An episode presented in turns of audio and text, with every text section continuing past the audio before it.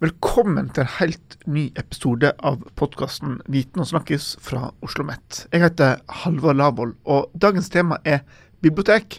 Altså, bibliotek, Institusjonen bibliotek har vi jo alle sammen et forhold til på et eller annet vis. Gjennom hele livet, vil jeg tro. Og en så viktig institusjon uh, som så mange har et forhold til, det finner jo sin plass i litteraturen òg, sjølsagt. Uh, og det er det blitt skrevet en bok om. Og dagens uh, gjester er de som står bak denne boka.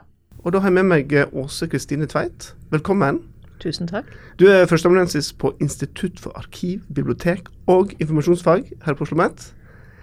Og sammen med deg har vi Kjell Ivar Skjæringstad. Du er professor på samme institutt. Det stemmer. Og dere har skrevet en bok om biblioteket i litteraturen. Det har vi. Gratulerer, først og fremst. Dere har ikke vært alene, dere er med, med, mange andre? Nei, vi er vel en eh, ti-elleve stykker som har um, skrevet sammen. Noen har skrevet sammen to og to, og noen har skrevet alene. Men det er et, uh, et fellesprodukt, da. Vi har lest hverandres bidrag og gitt innspill og Jeg liker å tenke på boka som et bibliotek i seg sjøl. Uh, gjennom det at vi har inn uh, Det er mange fra vårt institutt men vi har også med folk fra Sverige, fra Danmark. Vi har danske og svenske stemmer. Vi har en forfatter med oss. Som et bibliotek så er det så, så det er mange stemmer som snakker her. Mm. Men, men, hvorfor i hele tatt skrive bok om, om hva litteraturen sier om biblioteket? Hvorfor må man ha en bok om det? Det syns jeg er det naturligste i verden. um, Hvis man begynner å se etter, så handler nesten all litteratur på en eller annen måte om lesing eller bøker, andre tekster, og ofte også om faktisk institusjonen bibliotek, der det skjer ting. Eh, den kan være viktig eller mindre viktig, men den er der som og har en betydning som kan være større eller mindre, da. Mm. Men eh, det var overveldende mye når vi begynte å se etter. Så det er bare en liten bit av det som har fått plass i denne boka her, da. Ja, og så tror jeg du kan svare fra en litt annen kant, da. Så jobber vi jo vi begge to innenfor bibliotek og informasjonsfag. Library and Information Science, som det heter på engelsk. Eh, og vi tenker at det fagfeltet faktisk også kan lære noe av å se på hvordan litteratur og kunst har reflektert rundt hva bibliotek er. Så vi gikk vel til dette, gjorde vi ikke det også, Kristine, med et slags håp om å finne fram til noen tanker om bibliotek, og arkiv faktisk også, mm. som ikke var tenkt før. Fant du dere det? Jeg syns det. Ja, jeg syns også det. Hva fant dere? Eh, vi kan vel ikke definere bibliotek på nytt på noe vis, men eh, kanskje på en annen måte. At det er, at det er både breiere og djupere og mm, omfatter mer enn det man ofte tenker seg i en ren faglig diskurs, da. Mm. Jeg tenker at vi prøver å ta et konkret eksempel, da. Hvordan uh, Ole Egeberg skriver om uh, Walter Benjamin sin lille tekst 'Ich packe meine biblioteket aus', tror jeg den heter på tysk. Uh, da viser han bl.a. hvordan uh, et bibliotek ikke bare et sted hvor vi går og finner det vi trenger, eller er på en eller annen form for vandring etter noe som vi oppdager der og da at vi har lyst på. Men han viser også hvordan uh, bøkene i biblioteket, samlingen, faktisk også kikker tilbake på oss. ja. De har også et blikk. De vil noe med oss. De har noe de vil fortelle, altså. Mm. På en måte så er det selvsagt, men bøkene sånn som de er satt opp, uh, hvilket utseende de har De har en form for sanselig materialitet, da som vil oss noe på en måte som vi ikke helt har styring på. Tror jeg vi kan si. Det er ett eksempel. Er det mulig å si noe generelt eh, overordna om hvordan bibliotekene blir framstilt i litteraturen? Er det liksom denne kunnskapens høyborg, litteraturformidleren, som eh, der vi går for å bli et hakk smartere eller mer gjennomtenkte, eller er, er det er det, mye, er det, mye, mer? Det er litt vanskelig å si, fordi at dette er jo bibliotek fra antikken til i, i dag på forskjellige måter. Eh, men det er jo en stor kjærlighet til bibliotekene, da. Mm. I, I, de bøkene vi har sett de. Eh, og bibliotekene har jo ofte vært det som har vært forutsetningen for at forfatterne skal kunne skrive. Så det er jo ikke så rart at det er en kjærlighet der. Ja. Har du funnet hat? Jeg har vel funnet ja, bibliotekarer som er svært usympatiske, f.eks. Eller eh, bibliotek som er stengt for tilgang. Eh, Silje Hernes Lindhardt, som er en av de som skriver her, hun har jo et kapittel om de som ikke får tak i bøker. Som ikke har tilgang til bibliotek, enten fordi de har feil kjønn, eller fordi de ikke har klær til å gå inn der med, eller er for fattige. Ja, det er også en, en, historie om bibliotek i den forstand at det er en mangel, da. Mm. Ja, og det du sier nå, det har jeg vel egentlig ikke tenkt på før, men hvis du kobler det med det spørsmålet du stilte, da, altså har vi funnet noe som er felles? Nei, det har vi ikke. Og det er kanskje hele poenget. Poenget er at biblioteket nettopp ikke har en helhet. Det, mm. det minner oss hele tida om alt det forskjellige. da. Uh, og det er jo for så vidt også noe som er stadfesta i bibliotekloven. Der står det at vi skal formidle allsidighet. Mm. Hva nå det er for noen ting.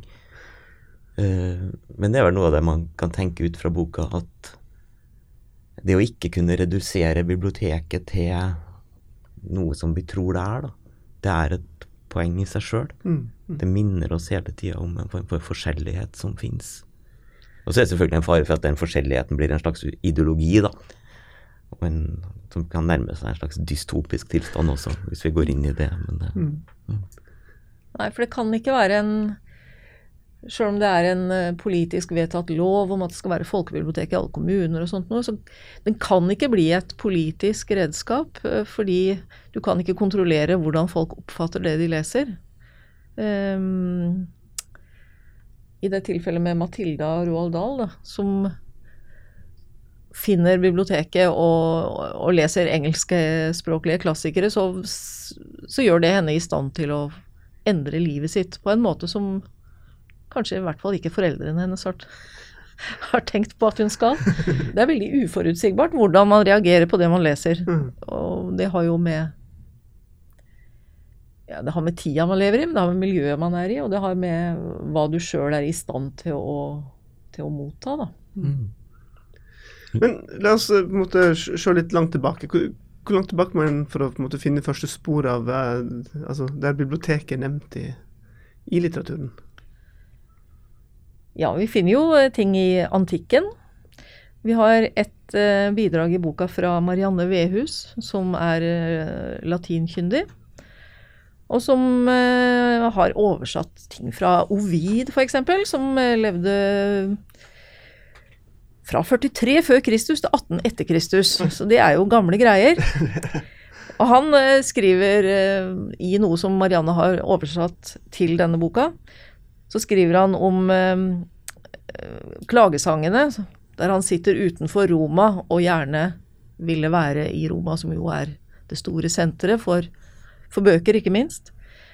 Men han er utvist fordi han har skrevet om elskovskunsten, og så sender han en av bøkene sine inn til byen, og da skriver han om eh, at denne boken oppsøker det ene biblioteket etter det andre for å komme inn, for å få et liv, for å komme der andre kan lese den og debattere den, og på den måten få en, en plass.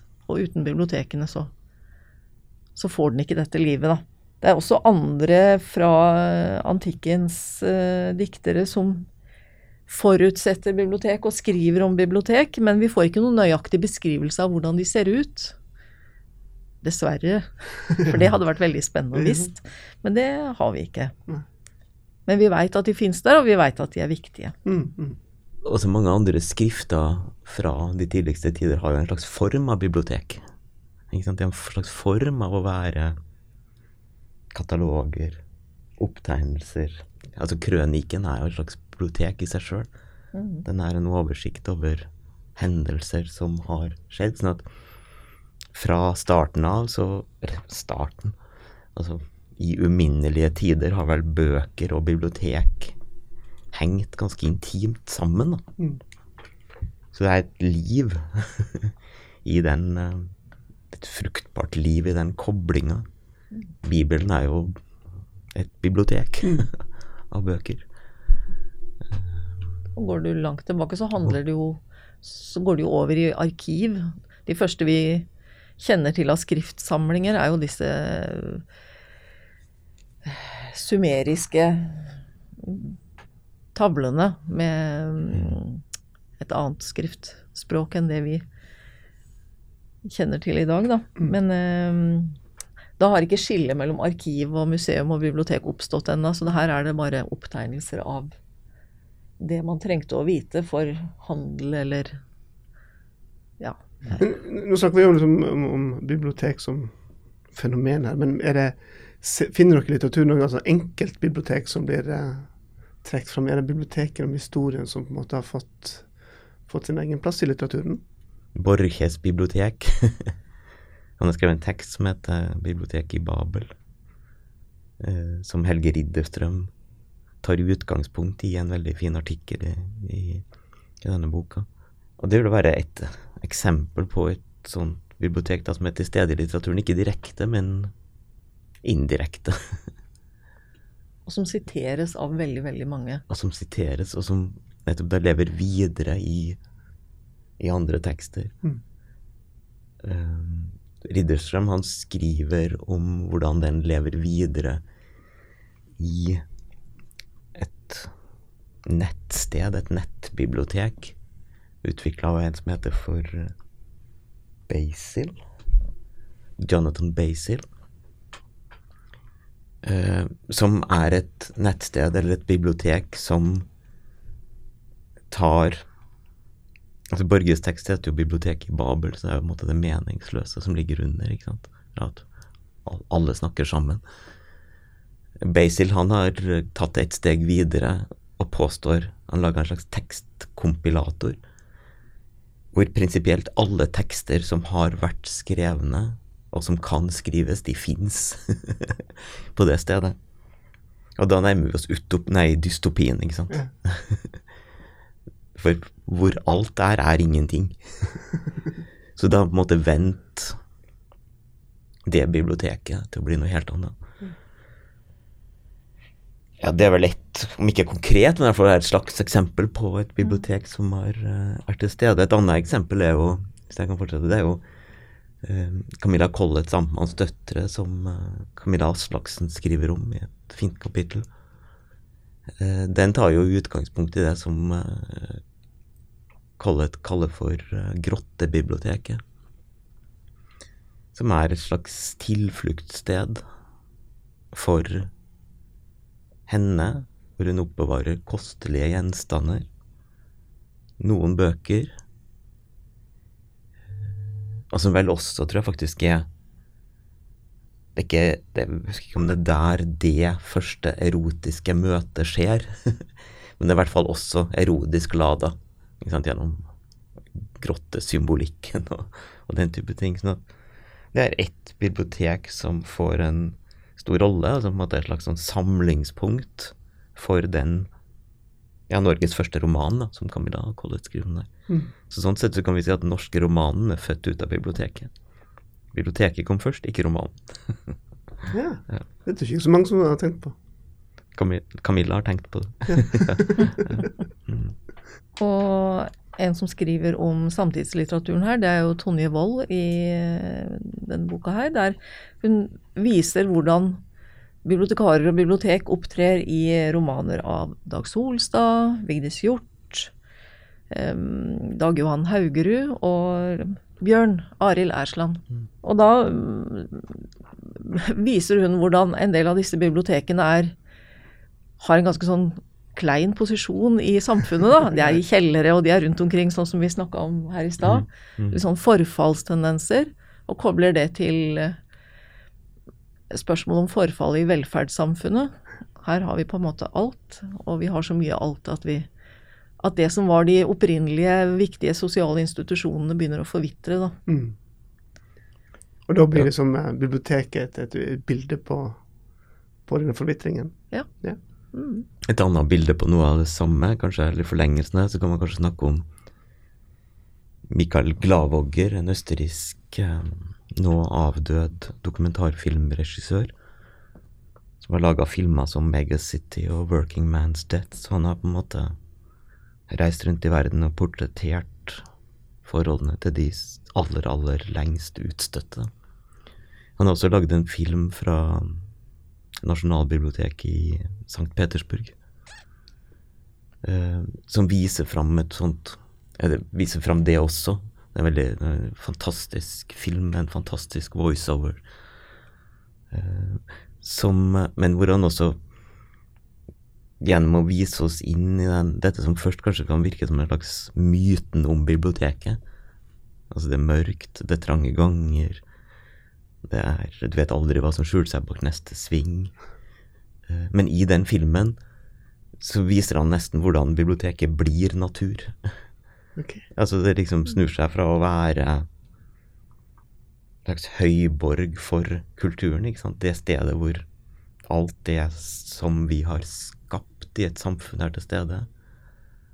Til å forvitre, da, som også Kristine sier, til å bli natur. Det går tilbake til en slags organisk tilstand. En utrolig vakker film Mm. å se. Som du og Astrid Norang skriver Som Astrid om i boka. Norang, ja, som er forfatter, har uh, skrevet om, da. Mm. Men du, nå har vi jo snakket om selve biblioteket, men, men hva med de som jobber på biblioteket? Er det, er det alltid den her kvinnelige bibliotekaren som sier hysj? Er er det, er det gjengangeren her? Ja. Det eh, utgangspunktet for denne boka her var jo også at det er skrevet veldig lite om biblioteket i litteraturen, men det er skrevet en god del om bibliotekaren i litteraturen, og om klisjeen bibliotekar. Og det var vi kanskje litt sånn trøtt av på et vis, så vi hadde ikke så lyst til å skrive så mye om det, Nei. for det var på en måte gjort da. Mm. Um, For det er jo en ganske sånn trist historie, egentlig, om bibliotekaren i litteraturen. Det, det er veldig mye en klisjé. Mm. Men også der så kan man si at vi finner noe annet, da. Gjerne gå tilbake til Walter Benjamin og, og Ole sin artikkel. Ole Egeberg sin artikkel, så er jo noe av det han viser der, hvordan han, Walter Benjamin erindrer jo blant annet hvordan han som barn satt og plukka ut bøker og leste de uten å kunne lese de. Eh, og så samler han etter hvert på bøker. Ikke, egentlig ikke av hva som står der, men han samler de for å samle de. Så hvis vi leser Benjamin på den måten, da, eller Ole på den måten, så blir det jo Altså, så er vi på en måte alle vi som samler på noe, er bibliotekarer. så vi er alle bibliotekarer, han nær sagt, i vårt liv. Mm. Hvordan tror dere denne fortellingen om eh, biblioteket blir fremover nå? Altså Nå er jo biblioteket blitt eh, Mange snakker om kulturhus. altså det, Der er det sjakkturnering og konserter og teaterforestillinger, og det står en PlayStation der, og mitt lokale bibliotek er nesten døgnåpent, kan komme og gå som jeg vil, og det sitter studenter og leser der. og det, det, er jo, det er jo blitt så veldig mye mer. Vil denne historien om biblioteket, disse bildene vi har og biblioteket, endrer seg i litteratur nå fremover, tror dere? Ja, det tror jeg jo, eh, fordi man skriver jo om det, det man opplever ved det, men mange skriver sikkert også om, om bildet de har deg av det fra sin barndom, sånn som du snakket om i stad. Men vi ser jo gjennom den litteraturhistorien som er samla i denne boka her, at bildene av biblioteket har endra seg mye. Ikke minst med hvem som har tilgang til det. Og jeg syns jo det er utrolig kult når du ser nå at hvis du går en søndag kveld, så sitter det stappfullt av folk og leser inne på biblioteket på Tøyen. Det syns jeg er ganske fint. Og jeg tenker at det er jo sjølve noe av grunnideen med det, at det skal være for alle. Og da må det jo også være tilgjengelig alltid, egentlig. Når du spør om eh, altså, dette biblioteket sånn som det er nå, da, et slags åpent kulturhus Igjen, da, hvis vi går tilbake til Marianne Veus sin artikkel, så skriver jo hun om på en måte de første bibliotekene i antikken. Og de var jo kulturhus. De hang sammen med det som da heter for museion. Mm. Altså de var knytta til musenes tempel. Sånn at biblioteket og museet, som jo også er et sted hvor man stiller ut og kommer og, og opplever noe, da. hvis vi snakker med moderne begrep, i hvert fall, det har alltid også hatt den dimensjonen ved seg. Og den fortellinga, den er den samme, samtidig som den hele tida forandrer seg. Og det får vi vel, som du sier, Kristin, også tro at kommer til å speile seg i den litteraturen som måtte komme. Det som også ligger under det spørsmålet du stiller, er jo vil biblioteket overleve, ikke sant? Ja, eller kommer vi til å kalle det biblioteket? Eller kommer du til å kalle det biblioteket? Mm. I hodet mitt så er bibliotek i ferd Eller ikke i ferd med, men jeg tenker at det er et ord og et begrep som Som um,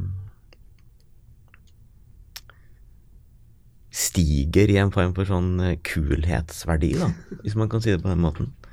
I kraft av å være, tror jeg, Mm. ta med seg det der veldig håndfaste, da, som jeg tror mange av oss trenger mer og mer av i en så skjermbasert tid som vi holder på med. Men, men, men er koblingen bibliotekar og bibliotek, vil den alltid henge tett sammen? Eller kan framtida være at vi har noe kanskje kunnskapshjelpere på et eller annet vis eh, der ute som eh, har funnet nye institusjoner eller nye plasser, mens biblioteket er blitt noe annet? Ja, da blir de bibliotekarer. Ja, for det er jo ingen, det er jo ingen beskytta tittel heller. Nei. Sånn at uh... Tenker at den bakgrunnen som kan nok endre seg, ikke sant. mm, Men det vil være bibliotekarer som jobber, jobber i bibliotekene. Ellers så vil vi nettopp, som måten du nå stilte spørsmålet på, kunnskapsarbeidere eller noe sånt. ikke sant? Vi trenger begrepet for å si noe om hvem som jobber der. Mm. Og det tenker jeg altså at det vi driver med på vår utdanning, da, det er den PT beste kvalifikasjonen man kan ha for å utøve den rollen sånn som det er utøve den rollen i dag, da. Mm. Du nevnte jo så vidt dette med, dette med bibliotek for alle. mm. Hvordan har den delen vært gjennom historien? Har, biblioteket vært for alle hele tiden, eller har det endra seg? Nei, det har det ikke vært. Og hvis vi begynner i antikken igjen, så var jo det mennenes domene, da. De, de eh, skriftkyndige og de utdanna og de eiendomsbesittende som hadde bortsett fra slavene som jobba ofte som kopister, da. Og henta bøker og sånt. Eh, men så seint som opp i vår, vårt århundre, så har det jo vært slik at kvinner f.eks. ikke har hatt adgang til universitetsbibliotekene. Så hvis kvinner ikke kunne bli innskrevet som studenter, så kunne de heller ikke komme inn dit. Virginia Woolf skriver jo om det. Og barn har jo ikke vært ønska. De har vært eksplisitt ikke ønsket Ja. i, i mange sammenhenger fram til på, ut på 1900-tallet. I eh, Da åpner det seg, i, i hvert fall i skandinaviske og amerikanske land. Og da strømmer ungene til. Og i dag har vi Ja. bibliotek for barn, kun barn. Ja, Ja. det har vi. Og det har man også hatt tidligere. Og så har vi også en, for så vidt den debatten som har vært i, i deler av media det siste halvåret, da, hvor eh, noen føler at de kommer til et bibliotek for å finne en bok og sitte og lese, og så er det så jævlig mye støy og styr at det faktisk ikke er mulig. og da kan man jo spørre om er da biblioteket for for de av oss som søker den stillheten, Mm. eh, den oasen fra fra støy og bråk. Mm. Nå har vi jo snakka mye om bibliotek og altså, innholdet her. Men, men, men, men hva med selve bygga? Altså, altså, når jeg har vokst opp, så har biblioteket vært på en måte snakk om innholdet, og så har de putta biblioteket inn i de størsteligste rommene. Og bomberommene på, på skolen og osv. Det, det har ikke vært det viktigste. Det har vært en plass å samle bøkene. Mm. Men, men vi har jo opp gjennom historien òg praktbygg, og vi driver og bygger et nytt bibliotek her i, her i byen. Eh, Hvor mye har det biblioteksbygget vært en viktig del? Det har nok vært veldig viktig, og det er veldig viktig. Det er kanskje viktigere nå enn før, fordi i tidligere så kom man kanskje til biblioteket fordi man skulle ha den boka, og det var boka og lesingen av den i etterkant som var opplevelsen. Eh, en slags indirekte kulturopplevelse. Mens eh, nå legger man opp til at også det å besøke stedet er en opplevelse i seg sjøl. Og da blir jo rommet veldig viktig. Eh, og det tenker man nok på nye Deichman òg, at det skal være et, et rom der man opplever noe på stedet, og ikke bare en indirekte ting. Eh, og det er en tenking som, som fins i veldig mange nye bibliotek, at det skal være steder der du kommer til for å være der, og for å gjøre noe, og for å oppleve noe, og være sammen med noen. Og at det å låne med seg noe hjem er sekundært. Samtidig så kan man jo lure på, da. Det er veldig mange nå som ser på biblioteket som et godt sted å være. og det er et sted hvor man kan falle falle på plass, finne seg til rette, sånne ting. Og jeg tenker det er mulig at det er mer en drøm enn en tanke, kanskje, men at den stedskvaliteten, eller de stedskvalitetene som biblioteket har, avhenger veldig mye av at det er bøker der. At det er en samling der av noe som ikke bare representerer historie, tid, andre stemmer, andre mennesker, men som i en viss forstand får historie, tid, andre mennesker til å være til stede rundt deg, ikke sant? Sånn som, sånn, tilbake til Benjamin igjen. Altså, det er noe som står i hyllene, og som ikke bare er en bokrygg, men som er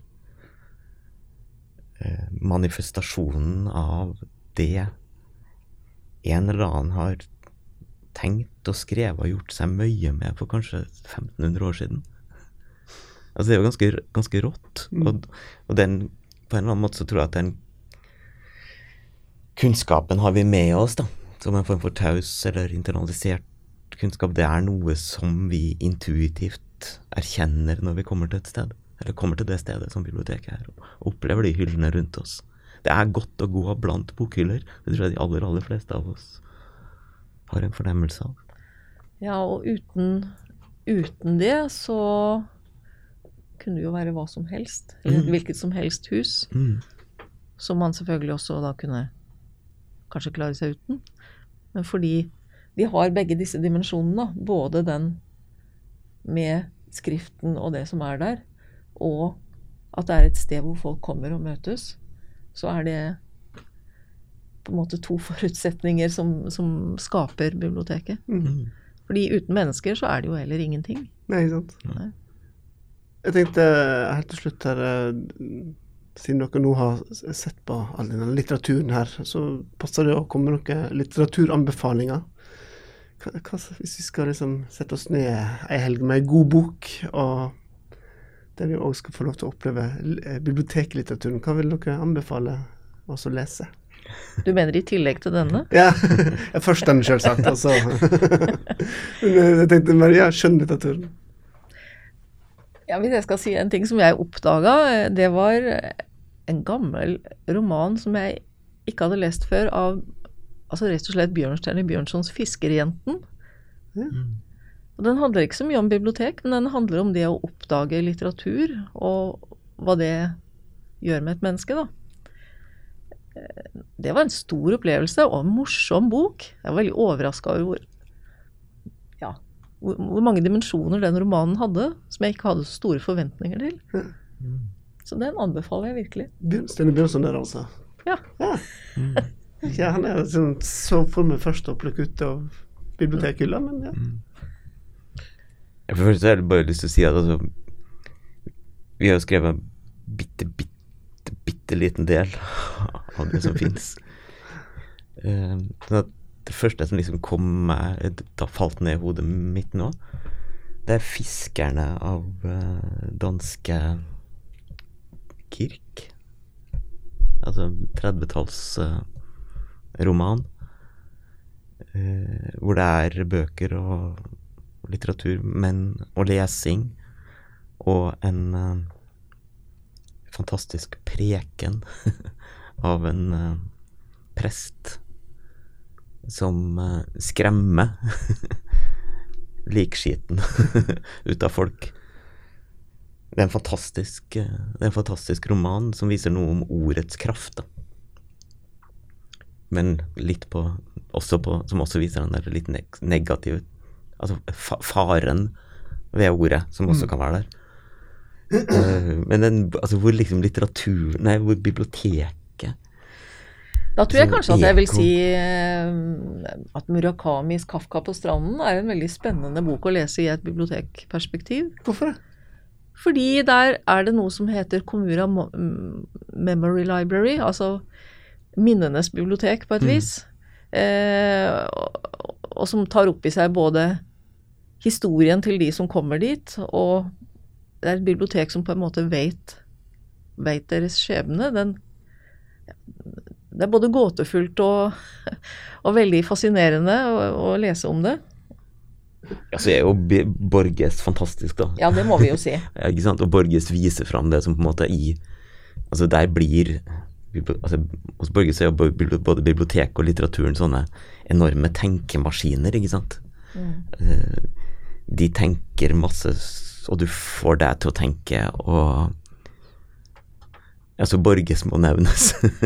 Og da kan vi heller ikke unnlate å nevne Umberto Eco og Rosens navn. Der kan du virkelig snakke om å sette grenser for hvem som får tilgang til litteraturen, og konsekvensene det kan få. Ja, fortell. Den har ikke jeg lest. Eh, Rosens navn, Um, middelalder, klosterbibliotek og en forbudt bok som ingen får tilgang til fordi den sier ting som kirken ikke vil godkjenne. Og Umberto Eco er jo også en av de få som har skrevet om bibliotek fra en forsker- og fagpersons synsvinkel. Um, både om hvordan bibliotekarene lager stengsler for å få tak i kunnskapen, og hvordan han mener de bør være, da. Eh, på en veldig morsom måte. Men du også, Kristine og Kjell Ivar, altså denne boka dere har skrevet nå om, om biblioteklitteraturen, hvem er den boka for? Er det bibliotekarene som skal lære om sitt virke, eller? Ja, vi håper jo at mange bibliotekarer vil lese den, men jeg tror jo at den er interessant også for allment litteraturinteresserte. Mm. Ja, og for eh, alle som er interessert i skriftkultur, tenker jeg. Den bør være interessant for lærere, lærerstudenter. Den er selvfølgelig interessant for våre studenter i bibliotek og informasjonsvitenskap. Åse Kristine Tveit og Kjell Ivar Skjæringstad, eh, gratulerer igjen med boka, og til deres kollegaer og medskribenter. Uh, og, og tusen takk for at dere kom hit for å, å, å fortelle litt om dette her veldig store temaet, men uh, i hvert fall gitt oss en, en smakebit. Um, og for dere som hører på, som er mer interessert i, i boka og dette temaet her, så kommer vi til å lenke opp til boka i, uh, på sidene til Viten og snakkes, så da kan du klikke deg videre inn og finne boka og finne ut mer om de ulike kapitlene og ulike temaene. Og da er det til slutt bedt å si tusen takk til deg som hørte på. Eh, Det kommer jo selvsagt en ny episode om ikke altfor lenge, og hvis du abonnerer på denne podkasten, så får du den automatisk ned i podkastspilleren din. Og så vil jeg bare minne om at vi har en veldig fin sånn Facebook-gruppe. Bare søk opp Viten og snakkes, eh, og bli med i gjengen. Eh, Da får du vite mer om hva vi sysler med her i podkaststudioet vårt. Da tror jeg jeg skal ønske deg en innholdsrik god dag videre.